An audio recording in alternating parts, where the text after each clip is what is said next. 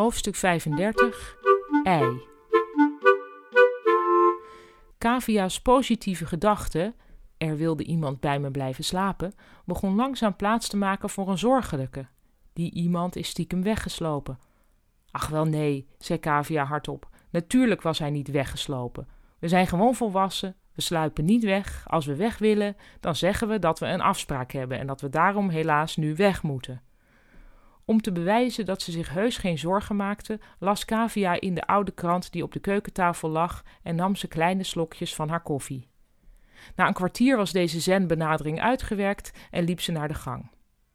Voorzichtig luisterde ze aan de wc-deur. Kon je iemand roepen die al heel lang op de wc zat? Stel dat Steven zwaar geconstipeerd was en ze hem uit zijn concentratie haalde. En dat het dan al helemaal niet meer lukte. Constipatie werd vaak niet serieus genoeg genomen, wist ze. Na een volle minuut besloot Cavia tot actie over te gaan. Ze zei op een toon waarvan ze hoopte dat hij kordaat en niet paniekerig zou overkomen: Steven? Het bleef stil.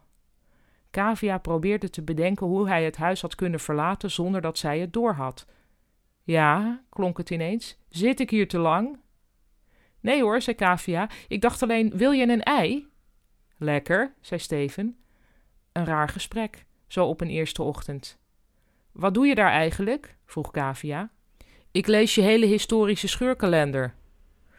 Oké, okay, zei Cavia. Roerei? Prima. Er werd iets gescheurd. Wc-papier, dacht Cavia.